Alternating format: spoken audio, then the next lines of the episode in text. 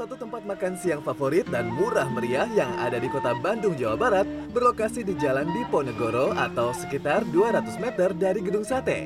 Tempat makan yang berdiri sejak 2007 ini menghidangkan sekitar 90 jenis makanan khas Sunda yang disajikan prasmanan mulai daging gepuk, ayam bakar, hingga ikan gurame. Lalu ada juga berbagai jenis pepes dan tumis sayur. Tidak lupa ada tiga jenis sambal yaitu sambal terasi, sambal cabai hijau, dan sambal oncom.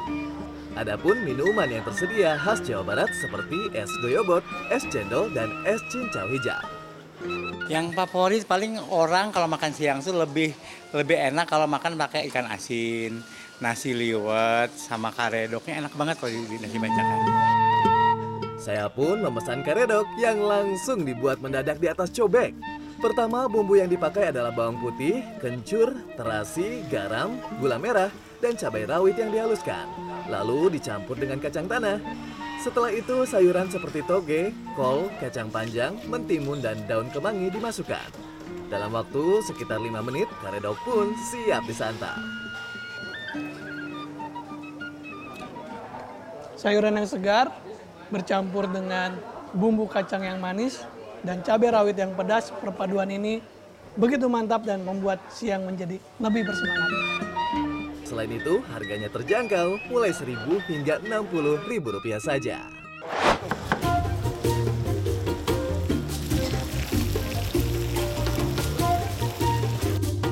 Tempat makan yang enak dan murah lainnya di kota Bandung ada di Jalan Cipaganti.